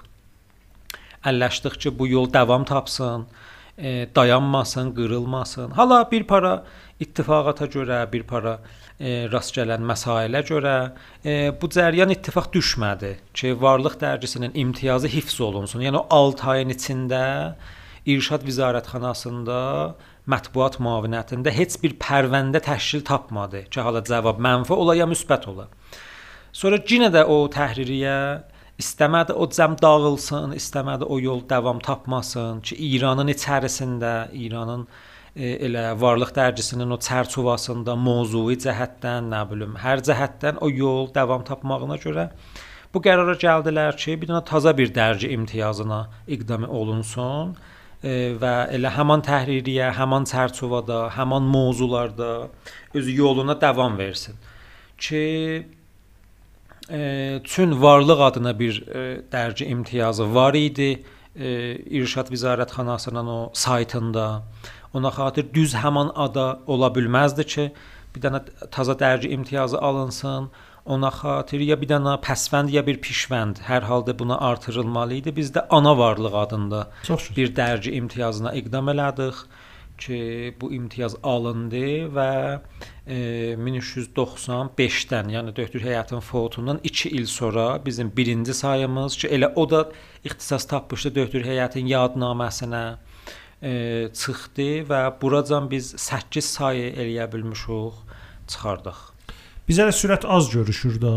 E, bu O əvaxir varlığa görə. Ə, bu əvaxirdə bəli, bu kağızın qiymətləri, çap qiymətləri, kullən bu bahalıq ki, bu əvaxirdə düşdü və demək olar küllən nəşr bazarın vurdu bir-birinə. Kitab və dərci və ruznamə fərq eləmir. Elə hamısını böhranla müvaciə elədi. Bəli, elə biz də onlardan müstəsna deyirik. Mütəəssifanə bu müşkülata görə e, bütün dərcilərin sürətdə dayanıbdı, biz də onların içində. Xoş. Nə mən axtarırıq varlıqda və müxatabimiz təxəssüsən kimlərdilər? E, varlıq elə əvvəl bir gündən çərçivəsi və mövzusu bəlli idi. Bu e, türk dili, ədəbiyyatı, fərhəngi, tarixi hövzəsində e, demək olar ulum insani hövzəsində çalışır və demək olar ki, e, müxtəssi deyil fəqət Azərbaycana. Bu İran türklərinə müxtəssidir və deyə bilərəm ki, istəsək bir iki kəlməlik ibarətlə bu dərginin e, mövzusunu e, mətrəh eləyək. İran turkologiyası. Mhm. E, ki demək olar varlıqla ciddi halətdə e, ilk addımlarını atdı və buracan davam eləyibdi və e, gedir qabağa ki e, öz adın e, səbt eləsin e, turkoloji aləmində, dünya turkologiyası aləmində adın səbt eləsin. Bu müxtəssi deyil fəqət Azərbaycan türklərinə. Bu İranın başa başında hər harda ki e, türklər yaşırlar, türk bir cəmiyyət, türk bir toplum yaşır. Elə varlıq onlara da başardığı qədər pərdaxt edir. Xurasan türkləri ərz olsun. Qəşqay türkləri. Qəşqay türkləri, e, Kirmanşahda yaşayan Sonqor türkləri, Həmədanda yaşayan Bahar Lələyin ya həmin Laləcin türkləri, İsfahanda yaşayan Fəreydən türkləri və İranın hər harasında indi məsələn mərkəzi Ustandə Xələt türkləri ki, döktür heyətin e, fotundan qabaq elə bizim düz son sayımız 172-ci sayımız Xələc vicənaməsi idi. Xələc turkologiyası vicənaməsi idi. E, bu onlara pərdaxt edir. Sirf Azərbaycan dili və ədəbiyyatına pərdaxt eləmir. Elə əvvəli bir gündən mövzusu bu olubdu. Biz də əlləşirik ki, başardığımız qədər həmin mövzunu həmin çərçivədə hifz eləyək. Varlığın gələcəyini nə görürsən aydınca? E, varlığın gələcəyi ala iki cəmbədən baxmaq olar. Bir həmin bu maddi cəhətdəndir ki, bu təvərrüm, bu çap nəşr bazarının bir-birinə dəyməyi bütün mətbuata e, zərbə vurub biz də müstəsna dəyirik. O cəhətdən e, hamı zərərini çəkir, biz də onların biri. Amma mənəvi cəhətdən varlığın gələcəyi e, demək olar ki, pis görünmür. Yəni e, Döktür Cavad heyət və qələmdaşları e, 1358-dən e, o qoyduqları təməl daşının e, e, demək olar səmərələrin biz bu gün görürük. O əhdiqləri, toxum bu gün bar verir. E, o zaman əsən türk dilində qələm vuran yox idi. O zaman əslən bu sahədə əsən tabu var idi. Əsən bu sahədə bu sahədən söz danışanlar e, demək olar, hətta istəsəydilər də danışalar, qorxardılar danışsınlar. Bəli, xoşbəxtliklə indi zaman içində biləxərə o tarixdən 40 il keçir. E, o tabolar bir həddə can sınıbdı. İndi bizim nə qədər e, cavan nəslin arasında öz ana dilimizdə qələm vuranlarımız var. Bunların hamısının demək bunların hamısı demək olar ki, həmin varlığın əhdiqi toxumlardır ki, indi bu gün bar verirlər. E, ona xatir bu cəhətdən mənəvi cəhətdən baxsaq, varlıq elə öz e, nə, istədiyi nəticəyə yetişdi. E, biz də bu demək olar taza varlığın, ana varlığın demək olar sayəsində əlləşirik ki, e, bir dənə yaxçı mirasdar olaq və həmin yolun davam verməyində, yerdə qalmamağında bir addımlar ataq. Və e, demək olar o e, cavan yazıçılar ki, bir meydan axtarırlar özlərini göstərməyə, onlara bir meydan olaq və ya e, yaşlı və asəqqəl yazıçılarımızın e, əlləşirik ki, o bağın qopatmayaq bu e, dərgimizdən. O cəhətdən deyə bilərəm ki, mənəvi cəhətdən gələcəyi pis görmürəm. E, indi varlıqda kimlər yazırlar, kimlər çox fəaldılar varlıqda? Varlıqda indi fəal olan yazıçılar e, deyə bilərəm ki, e, bu varlıq e, bu varlığın taza dövrəsində çoxlu zəhmət çəkən bizim əziz Asəqqəl e, yazıçımız ki, elə döktüriyət zamanından da varlığın təhririyyəsində var idilər və indi də bizi tək qoymayıblar və qələmləri həmişə e, yazar olsun ay mühəndis İbrahim Rəfrəfdilər e, ki, demək olar e, israrları vardı ki, adları Sərdəbir yazılmasın və elə bir dənə Sərdəbir qədər hər sayımızda bizim zəhmətimiz olar bilələrinə. Var olsunlar. E, bizim dərcimizin mətalibini oxumaq, onları elmi cəhətdən və qramer cəhətindən edit eləmək zəhmətləri olan boyunlanadır. Bizim çox fəal əzamızdan olardılar. E, ayrı qələm sahə qələm sahəsində ayrı yazıçılar ki, yazırlar. E, ada parmaq olaraq Döksür Məhəmmədzadə Sədiq cənablarından, ay Məcd Fər cənablarından, e, ay Döksür e, Pənahi Xiyavi cənablarından ə, ərz olsun. Və o əfraddan artıq ad aparıram ki, təqribən hər sayı biz bilələrindən bir mətləbimiz var. Döşür Davud Kuhi cənabları ki, e, dil dil dilçilik sahəsində, zəbanşünası sahəsində gözəl elmi məqalələr e, hər sayı bir məqalə verirlər. E, ərz olsun məhsərzər ki, döşdür Nəbi Kəbutəryan ki, Türkiyənin danışqahlarında turkoloji ustadıdılar e, hər sa hər sayımızda bir dənə sabit məqalələri vardı. Mən bu e, varlığın taza dövrəsində bir dənə dram ədəbiyyatı bölümü yola salmışam ki, bizim hər sayı bir dənə e, türk dilində nümayişnamə və ya filmnamə, yəni dram ədəbiyyatı sahəsində bir dənə mətləbimiz getsin və başara bildiyimiz qədər dram ədəbi ana dilimizdə olan dram ədəbiyyatımızda, teatr ədəbiyyatımızda e, bu boşluqlarımızı doldura bilək. Və Oləviyyətimiz İran türklərinin arasında qələm vuran türk e, türkçə yazan nümayişnamə yazan namazın əsərləridir. Sonrakı Oləviyyətlərimiz Otay Azərbaycan və ya dünya ədəbiyyatından olan tərcümələrdir. E, bizim Allah indi çox adamlar ola bilər ki, ad apara bilməyən. Məsələn, əziz dostumuz Səid Muğanlı həmişə dərcimizin kənarında olublar. Ya e, çap zəminəsində bizi təh qoymayıblar və elə bu neçə şumara qabağacan bütün çap zəhmətlərimiz olan boynun idi və e, demək olar ki, bizim dərcimizin hünəri sahəsində, qrafik sahəsində mənim iki əziz dostlarım e, heç vaxt bizi təh qoymayıblar. E, əziz dostum Məhyar Əlizadə ki, Varlıq dərgisinin həm səfarayısının uniformunun tərrahlığının zəhmətini çəkiblər, həm cild tərrahlığının uniformunun zəhmətini çəkiblər e, ki, Həmişə də bir dənə hünəri müşavir təkim bizim kənarımızda olublar və dərgimizin qrafisti ki, e, buracan e, sabit halətdə bizlə həmkarlıqları olub və bütün saylarımızın deyə bilərəm ki, cild tərrahlıqları bu qrafistimizin boynuna olubdu.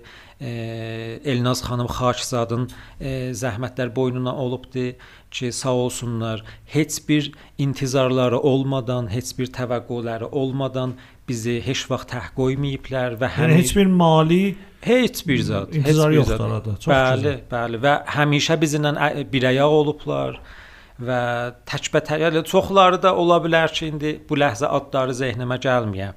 E, deyə bilərəm ki, minnətsiz və intizarsız hamısı bu yolun davam tapmasında və yerdə qalmamağında əllərindən gələn köməkliyi eləyiblər. Gözəldir. E, ayrıca bir dana bir qaranlıq nöqtəçi dərgilərimizin moridində vardı. Budur ki, bunlar hardan pul çıxardırlar? Nə cür xəşlərin tapırlar? Aya burada çalışqanları qazandıra bilirlər maddi cənbədən və gələcəkləri, maddi həyatları nə olmalıdır? Lütfən buyurun ki, varlığın bir iş peşədə kəsb-karda bir istilahımız var, revenue stream ya qazandırıcılıq yönü, yəni bu hansı yöndən pul çıxardır və nə cür pul çıxarda bilir? Varlıqda bu vəziyyəti bir izah eləsəz mən məmnun olaram. Ərz olsun ki, istəsək kulli mətbuatımıza görə danışıq o ayrı bir bəhsdir. Mən artıq varlığa görə eləyə bilərəm danışam. E, ümumətən dərgilər ə, qazanc yolları ə, agəhi tutmaqla, reklam tutmaqla olar. E, müntaha o da özünə bir mücəzza bir məbhəsdir ki, mütəəssifanə e, varlıqda əvvəl bir gündən ta elə büyünəcən bu moriddə axsaqlıq olub. Çün əsən fürsət olmur adam bu moridə bir vaxt ayıra, gedə məsələn agəhi cəzb eləmək moridində, irtibat qura, bilmirəm, sponsor yığa filan. E, bizim heç vaxt indiyəcən agəhimiz olmayıbdı və kan qədim varlığında olmamışdı. Əslən Aha. olmamışdı. E, qədimdən varlığın bir dənə sandığı var idi ki, bir para əlaqəmənd əfrad sponsor ünvanında adları heç bir yerdə dərc olmadan e, əllərindən gəldikləri qədər bir məbləğ o sandığa e, verərdilər və elə o sandığın tərəqi ilə varlıq çıxardı. Ki elə o e, sandığın ümdə sponsorlərindən elə döktür heyət idi. Ki Bəli.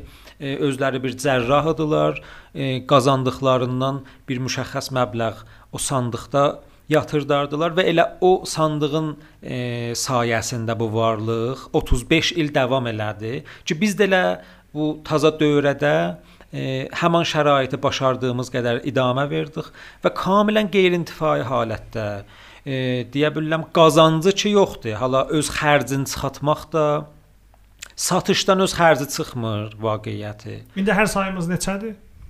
Bu ləhsəcində burdadılar. Axır sayımızın cildüstü qiyməti 15 min tüməndir. Yəni fikirləmək kağızı ilə bərabər gəlmir də. Demək olar, bəli. Sizin subsidiyası yoxdur kağız subsidiyası. Xeyr, onlar hamısı yığılıb. Bəli, indi hala Kerem o... olsaydı da heç sizi tutmazdı. Demək olar. demək olar. E, ona xatir demək olar bizim sponsorlarımız bir para adlarını istəmirəm verəm, çünki öz özləri də razı deyillər. Tamam, onda heç adlar gəlməz. E, yəni elə təqribən deyə bilərəm bu şərtlə hazır olublar bizim bu sandığımızın sponsoru olurlar ki, adları heç bir yerdə deyilməz. Gözəldir, dəyərlidir. E, bizim bir para fərhəng sevən dostlarımız e, hərəsi hər sayı əllərindən gəldikləri qədər e, bir məbləğ köməklik edirlər. O məbləğlərlə biz başardığımız qədər e, bu dərəcəni çıxardırıq. Yaxşı fikirsiz nə zaman acam bu yol elə bücür gedə bilər qabağa və nə etməliyik? E, ərz olsun ki, indi çap sənətində digital çap adında bir pədidə ilə biz müvacihıq. Ki da e, kitab ya dərci zink olunmur və çapxanada yuxarı tirajda çap olmağa ehtiyac yoxdur. Digital çap həmin bu printin biraz daha e, genişlənmişidir və tiraj təqribən məfhumu aradan gedibdir. Yəni biri istəsə 5 nüsxə çıxartsın, biri istəsə 50 nüsxə, biri istəsə 500 nüsxə çıxartsın. İndi bütün dərcilər demək olar 190 bir para həmin o subsidli dərciləri çıxandan sonra indi 190 dərcilər hamısı bu digital çapa mütəvəssil olublar ki, heç olmasa imtiyazları yanmasın. Heç olmasa bir az tədadda da olmuş olsa çıxartsınlar. E, indi dərcilərin bir çoxu ki, biz də istisna dəyirik onların içində, da keçiblər e, interneti onlayn satış üstünə e, müxatəblər e, internet hövzəsində Instagramdan, Telegramdan e, müttəli olurlar ki, taza sayı çıxıbdı. Mündəricatı nə mənədir, möhtəviyyatı nə mənədir və əlaqəmənd olsalar dərcini almağa, həzinəsin hesaba yatırdılar və adreslərinə dərci göndərilir. Amma day o yuxarı tirajlar ki, qabaqcan var idi, o qəd tədad çox olurdu ki, məsələn, kitabçılara, boçcalara tövziyə olunurdu, satılan qədər satılırdı, satılmayanlar gedirdi və azdan çoxdan öz xərcini çıxardırdı. Day indi bazarın bu vəzi ilə davam tapa bilmir. Heç bir dərci agəhi və ya sponsor olmasa dərci indi də bu gün ayaq üstə qala bilməz. Demirəm biraz bu digital pədidəsi gəlişsin bizim cəmiyyəmizdə və bu kağız üzərində çap olma kitablar və dərgilər e, bala-bala azalsın və keçsinlər e-book və digital ortamına. Ki ha vaxt o mərhələyə yetişəcəyik. Əlbəttə bu gözəl bir ittifaqdır ha. Müsəlləmən. Çün bəli. ağac kəsilməyən qabağa alınır bəli. və ekosistemə də çox mənfəətlidir. Müntəha gözə də bir o qədər zərərlidir da. Həm gözə zərərlidir, həm də ki, hala bilmirəm dünyada ya fəqət İranda biraz o copyright məsələsinə görə biraz o maddi cəhətdən bir para axsaqlıqlar olur. Məsələn, İranda bir e, əfrad istədilər bu işi yola salsınlar.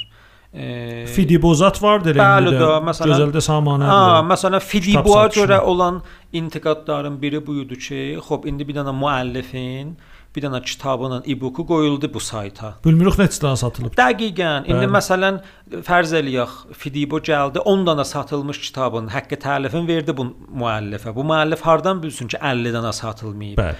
Biraz bu cür məsail hələ feylən zaman içində həll olmalıdır. Əgər bir gün gələr ki, e, bu məsaildə həll ola, bəlkə elə bizim bütün nəşriyyatımız və kitablarımız elə o ortama keçələr. Bəli, feylən hələ o ortama keçməyiblər.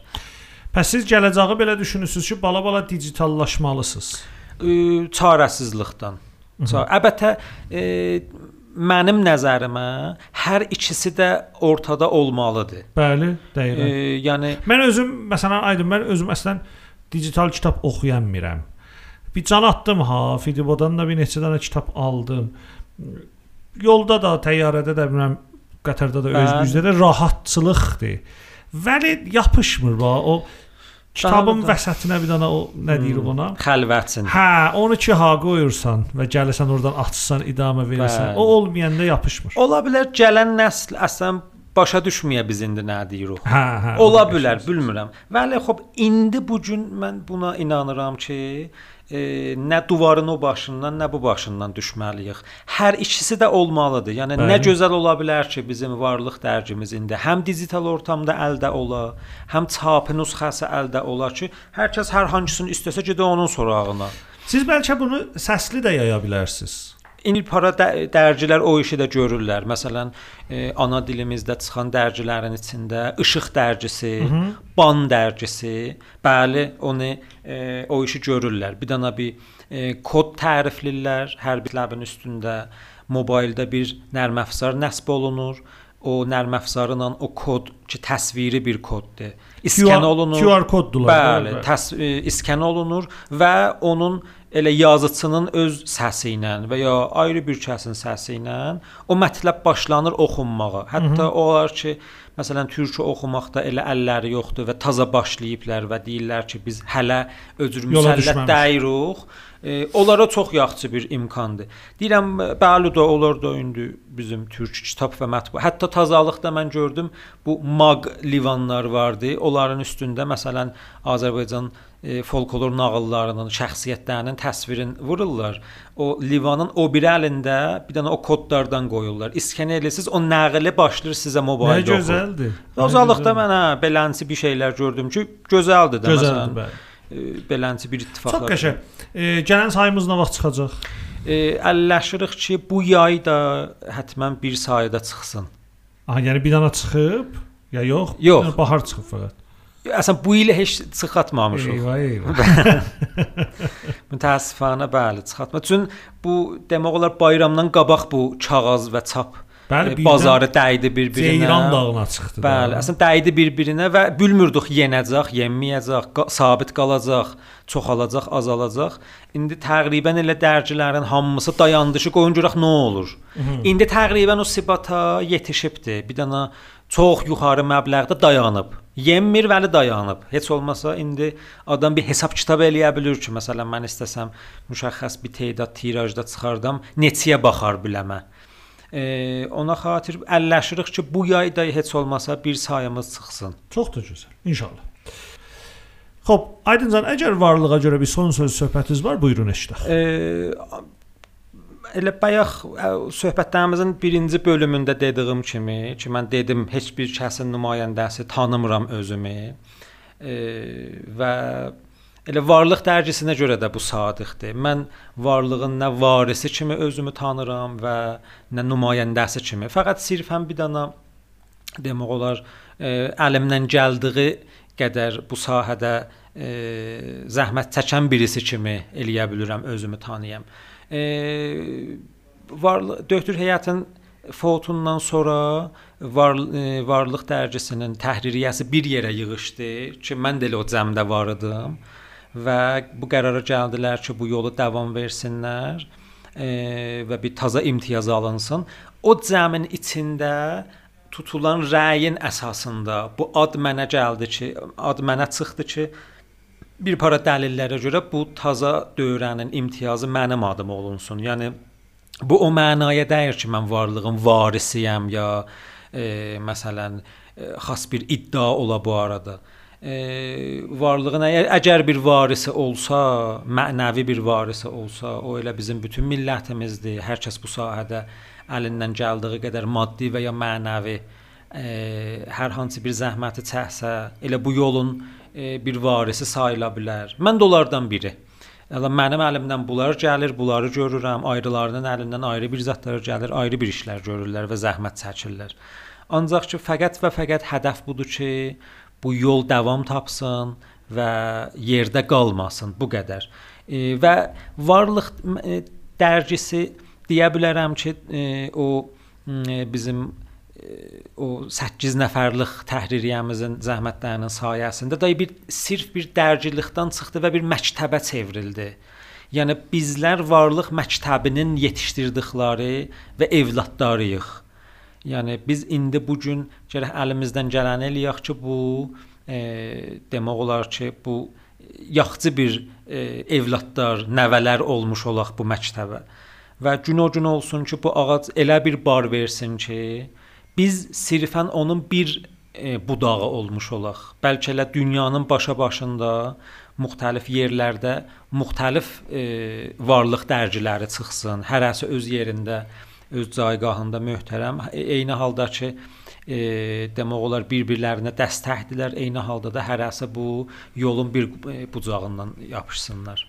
Amin. İnşallah ki varlıq yoluna davam eləsin. İnşallah. E, o keçən varlığı 172-ci sayıyacan buyurdunuz. İnşallah ana varlıq 1720-ci sayıyacan həddəqəl davam eləsin. İnşallah. Yaxşı gələk. Aydınca sənin təxəssüs işdə və təhsil aldığın işdə və e, keçən bölümdə də bir barəcə danışdınız. Keçən bərnaməni bildiyin qədər mən Siyamək Əfsai ilə söhbət elədim Təbrizin teatr moridində. Xoş Təbrizin teatrında çox çalışan adamlar vardılar. Bunu da qeyd eləmək istəyirəm ki, təəssüflə mən teatrın bir təxəssüsü müxatəbi və müştərisi deyirəm. Çün boya başa çatandan özümü tanıyandan əslən musiqi ilə böyümüşəm və əslən fürsətim olmayıbdı. Bu zəfi daha bunu etiraf edirəm özüm və kaş bu cür olmayaydı. Vəli uzaqdan uzağa bilirəm ki, Təbriz teatrçılarının içində türkü teatr işləməyin bir tabusu vardı. Yəni bir dənə bir zehni müqavimət vardı. Bəlkə ictimada da bir müqavimət vardı. Bəlkə bunun satışından qorxurlar ya hər nə mənə. Türkü teatrımız öz üçgərə genişlənməyibdi və farsi teatrla müqayisə olanda da saydan da az gətirir. Sabiqəsi də bizlərə e, söz söhbət vardı daha bu xüsusda. Əgər söyürsən bu bəhsi də açaq və səndən eşidək ki, türkü teatrın başına nə gəlir Təbrizdə? Ərz olsun, ittifaqən elə mənim o mühüm dəğdəğələrimdən birinə işarə olundu.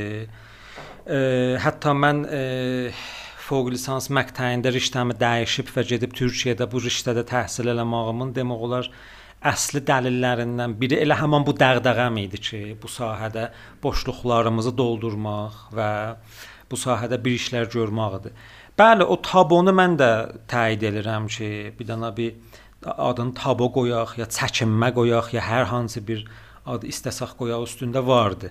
Əlbəttə bu istəsək e, teatrın tarixinə baxaq, düz bunun əksinə gəlirik. Yəni bir zaman var idi ki, Təbrizdə e, teatrya gərək türkü çıxıydı səhnəyə ya da kəsdən çıxmayıydı. Niyə ki, üçün heç kəslə irtibat qura bilməzdi. E, Allah səlamət eləsin bizim əziz qələm sahibimiz Səid Müniri Təbriz teatr tarixinin çox parlaq çehrələrindən biri Mirzə Bahar Hacızadənin yaşamın bir dənə bir bioqrafik romana çeviriblər.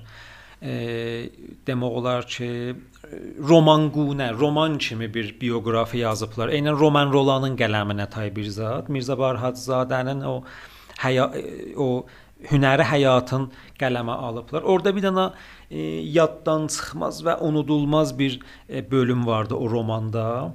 E, 1324-25 arası ki, Təbrizdə e, Azərbaycan Demokrat firqəsi iş üstünə gələndən sonra Azərbaycanın milli teatrı ehya olunur. Təbrizin e, Şiri Xurşid tağlarında bir çox təntənəli teatrlar səhnəyə çıxır. O cümlədən Mirzə Bahir Hacızadə ki, illərlə teatr səhnəsindən uzaq qalmışdı, gedir bir şeydə teatr sahəsində çalışsın. Bu bir dənə quruh yığır və başlayır bir dənə nümayişnamənin üstündə işləməyə və onu səhnəyə çıxartmağa. Bala-bala da bu iş çıxır, hazır olur. Hətta afişləri şəhərə vurulur, biletləri satılır. Tamaşaçılar gözləyirdilər ki, günü gəlsin və gedib bu teatrı görsünlər. E, üzr istəyirəm, bu əlbəttə bu dediyim cəryan o firqənin o 1 illik hökuməti zamanına getmir. Hacızadə e, o bir ildə gedir teatr aləminə. Bəli bu e, Səid Münirinin romanında, bu kitabında bu səhnə aid deyil o bir ilə. O bir ildən qabağın zamanına gedir Bəli. və pərdaxt edir ki, nə cür oldu əslən Hacızadə day bala-bala teatr səhnəsindən uzaqlaşdı. Bu bir dənə teatr hazırlayırdı ki, Savaçdan gəlirlər, deyirlər ki, biz gərək biz sizin bu teatrınıza baxaq görək nə mənədir. Təyin olunsa bu icra olunsun. Elə mətni alır əlinə o savaş məmuru baxır və deyir ki, "A, bu olmaz, bu türküdür. Türkü qədağandır." Bu yol Hacızadə çönür deyir ki, "Baba biz bilet satmışıq, bu iş təmrin olunub, hazırdır." Deyir da, onları biz bilmərik, ola bilməz. Türkü dili qədağandır. Hacızadənin bir dənə o kitabında bir cümlə ağzından çıxır ki, Səid Münirinin qələmi var olsun. Bu cümləni çox gözəl yerində işlədibdi e, çönür Hacızadə o savaş məmuruna deyir ki, e, bizim bu nümayişimiz trajedidir. Bu əgər farsicə olsa komedi olar. yəni o zaman e, əgər bir teatr ana dilimizdə səhnəyə çıxmasaydı, əslində o teatrlıqdan çıxardı. Nə millət ondan irtibat bərqərar eləyə bilərdi, nə hünərmənd ondan irtibat bərqərar eləyə bilərdi. Amma indi bu gün o fərmayışınız kamilən düzdür. Bir dana bir çəkinmə ya bir dana bir tabu haləti bizim teatr uşaqlarımızın arasında bu pədidiyə görə vardı. Bunu istəsək rişəyablıq eləyək, gedək kökün tapaq görək nə mənədir. Mən öz şəxsi nəzərlərimi eləyə bilirəm bu mövriddə deyəm. Neçə amil bais olub ki, belənsi bir fəza bizim teatrımızda yaranmış olub. Bir dəlili budur ki, teatr bu mənada ki, e, biz indi onunla müvacihik, qərbi bir pədidədir və varidatı bir pədidədir və qərbdən gəlibdi bizə. Ona görə elə e, məmulən teatr əhalisi biraz qərbzədə olarlar. Hı -hı. Bu bizə aid deyil. Elə Türkiyədə də özürdür. Elə Türkiyədə də özürdür. E, qərbi bir, məsələn, Avropalı bir dərəcə 3 yazıçının adı gələndə eybələ alqışlanır və e, qarşılanır ki, dərəcə bir bir şərqli yazıçının adı gələndə hələ bir zaman aparır bir adam bunu otutsun yerində. Mən bunu məsələn Türkiyədə də gördüm. Bu teatr əhalısının arasında belənçi bir qərbzədəlik vardı. Elə sinemada da özürdü. Çünki sinema, teatr bunlar bu məfhumdakı indi biz onlarla müvaciəxik zaten qərbi bir pədidədirlər. İstər-istəməz teatr əhalisi istəyiblər teatrı düz və elmi halətdə öyrəşələr, gediblər qərbi e, mənabeyin sorağına, qərblilərdən öyrəşiblər. İstər-istəməz biraz o qərb qərbzədəlik və e, istəsək öz dilimizdə deyək, özgəpərəstlik biraz var bu pədidənin içində. İstər-istəməz. Bir amili odur ki, dediyim təkin fəqət sirf bizim cəmiyyəyə aid deyil. Bir pədidəsi də qeydirik e, biz indiki nəslə görə danışırıq da. Bir pədidəsi də qeyd edirik, e, bizim e, ustadlarımız və asəqqəllərimiz və klaslarında oturub teatrı öyrəşdiyimiz əfrada qeyd edirik. Xoş teatrın ustadları, ağsaqqəlləri ki, indi bu gün bir tədadı həyatdadılar, yaşıllar, bir tədadı Allahın rəhmətinə gediblər. Xoş bunlar kimləridirlər? Bu elə bütün hünəri sahələrdə sadiqdir ha, fəqət teatra müxtəssi deyil. Bunlar kimləridirlər? Bunlar bir dənə nəsl idilər ki, əksərən 190 e, Riza Şahın e, o tağuti tuxum əhdiği təfəkkürün e, demək olar yetişdirdikləri nəslidirlər ki, farsi dili e, çox böyük bir dildir. İstəsək bu məmləkətdə bir dana bir nə bilim e, bir millət, bir dil siyasətinin əsasında istəsək bir yerə çataq gərək, nə bilim e, bu dildə hər işimizi görək e, və qeyri-fars dillərin təhqir olunması və belənçi bir zətdir. Yəni əslən bu gəlib oturmuşdu bizim o nəslin zehnində, oturmuşdu yerində ki, istəsək qələm vuraq, istəsək teatr işləyək, istəsək hər hansı bir iş görək ki, bu roşan fikri fəzada, bu aydın fəzada bir sözümüz olsun danışmağa gərək farsça ola. Bizim asəqqəllərimiz ki, mənim nəslim oturublar onların klasslarında və teatrı usulü halətdə istəyiblər örgəşsinlər və onların klasslarından çıxıb olublar indiki nəslin teatrçıları istər-istəməz belənçi bir təfəkkürə sahib olan nəslin klasslarında oturublar. Mənim heç yadımdan çıxmaz. Bizlər oturanda e, bu teatr klasslarında e, bizim oyunçuluqda, bazigərlikdə 3 dənə əsli məbhəsimiz var da. Bədəndir, bəyandır, hissidir. Biz bəyan klasslarında nə qədər zaman sərf elərdik ləhcələrin üstündə əməl eləmək.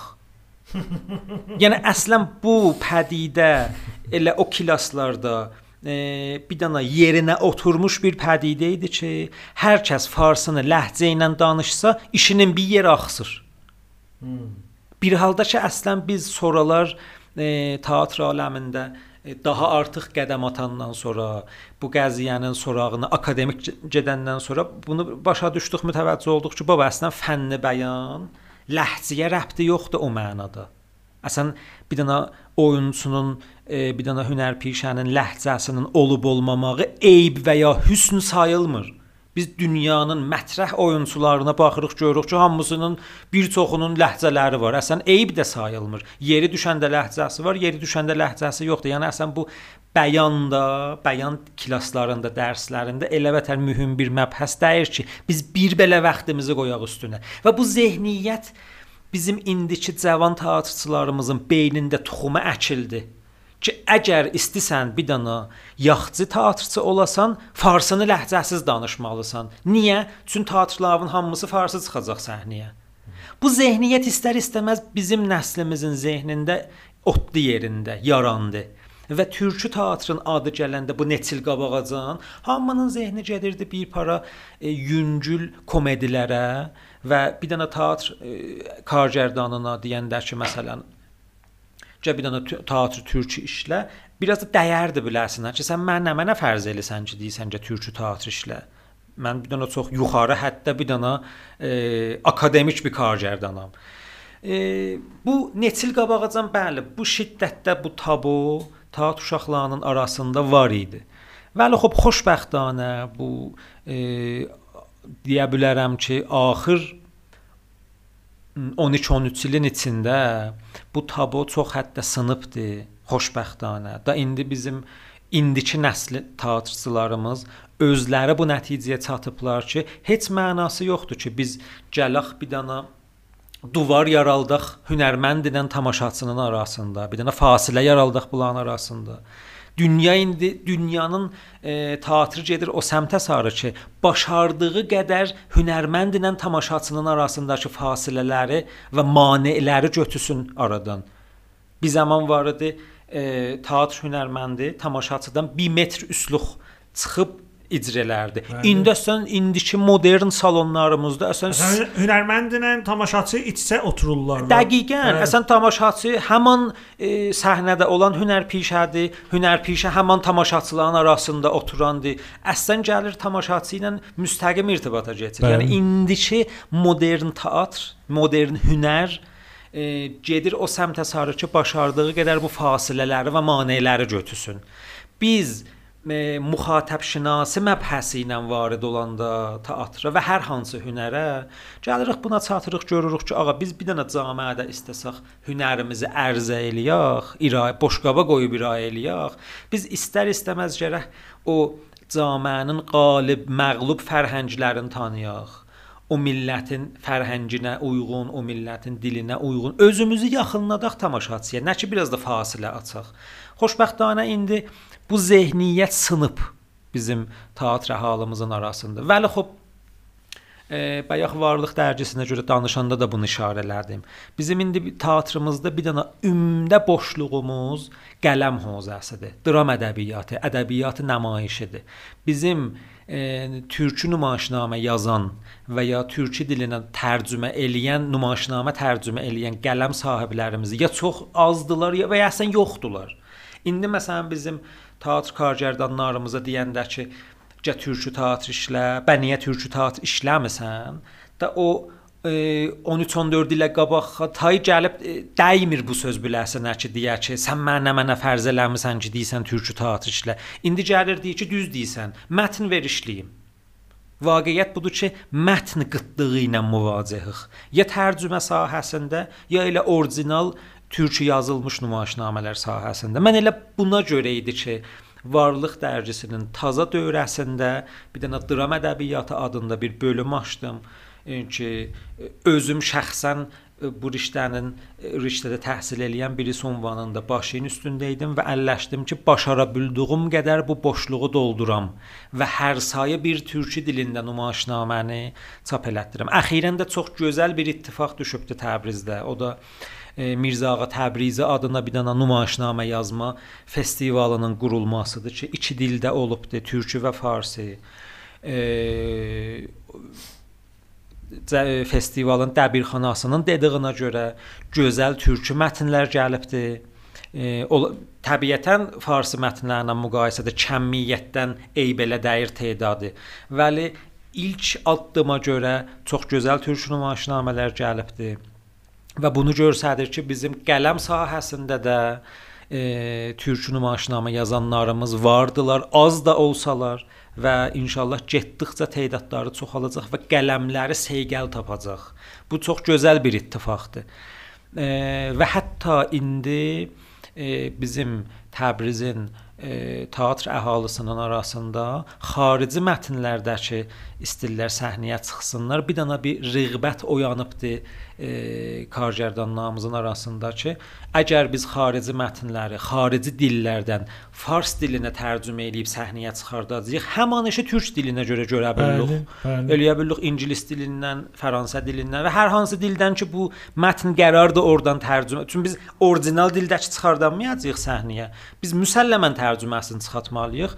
Biz fars tərcüməsinin yerinə bunu türkcə tərcüməsi ilə səhnəyə çıxarda bilirik. Və çün bu qəziyyə bizərə e, çox su aparan bir xəmirdir. Bizim bəyə neçə dənə mütərcimimiz vardı ki, eləyə bilə e, orijinal dildən bu mətni türkü dilinə qabil qəbul hətta, qəbulluq nömrəsi ala bilən hətta tərcümə eləyə. E, bəyə nə qədər varımızdır ki, eləyə bilərik üstlərində hesab açaq. E, təbiətən biraz xəmir bu çox su aparan xəmirdir. Bəli, xop o da oturur yerində bala-bala.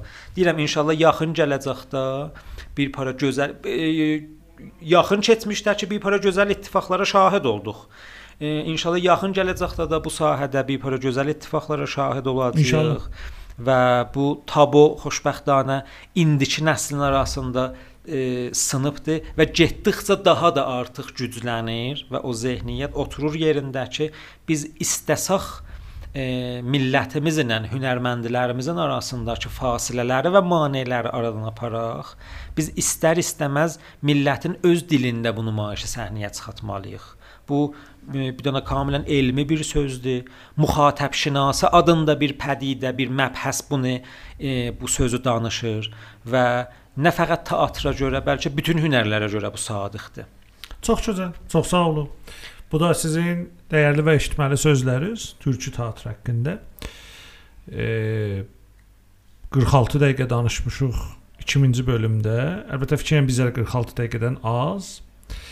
E, əgər bir ayrı sözünüz vardı eşidək, yoxsa vedalaşaq bu e, bölümdə. Yox, çox sağ olun məni qabil bilib bu gözəl radioza qonaq çağırdığınıza görə. Nə hissiniz var radio müstəşara görə aydıncı? Gözəl hissim var. Elə dəqiqən demək olar ki, e, gedib Təbrizin Barnavasında müstəşar qəhvəsində oturub o e, yaşadığımız hissi e, ona bənzər bir hissi elə müstəşar radiosunda da adam yaşaya bilir. Çünki çox səmimi bir cəm e, necə ki bir qəhvədə oturub öz böyüzümüz özümüzü sansor eləmədən odur, odur, ürəyimizdən keçəni bəli. dilimizə gətirməkdən qorxma qorxmayıb çəkinmədən necə ki rahat danışırıq, elə həmin ittifaq burada da düşür. Ona xatir təqribən deyə bilərəm ki, e, bu ikisinin hissi çox yaxındır bir-birinə e, və istər-istəməz bunun da yeri çox boş görüşürdü belənçə bir podkastlərin. İnşallah bunların da yolu davamlı olsun. İnşallah. Çox sağ olun. E, sizi də sağ olasınız ki, mənim dəvətimi qəbul elədiniz, müstəşara qonaq oldunuz bu günlərimə.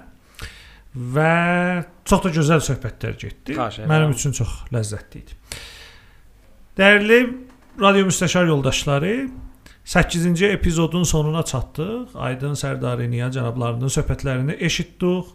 Rəhmətli Səməd Sərdariniya cənablarının haqqında, Varlıq dərgisinin haqqında və Təbrizimizin türki teatrının tabusu mövridində mənə ləzzətli idi. İnşallah sizlər də bəyənmiş olasınız. Gələn nəslimizə də daha gözəl və dəyərli bir ittilaat olar bu çağdan və bu günümüzdə.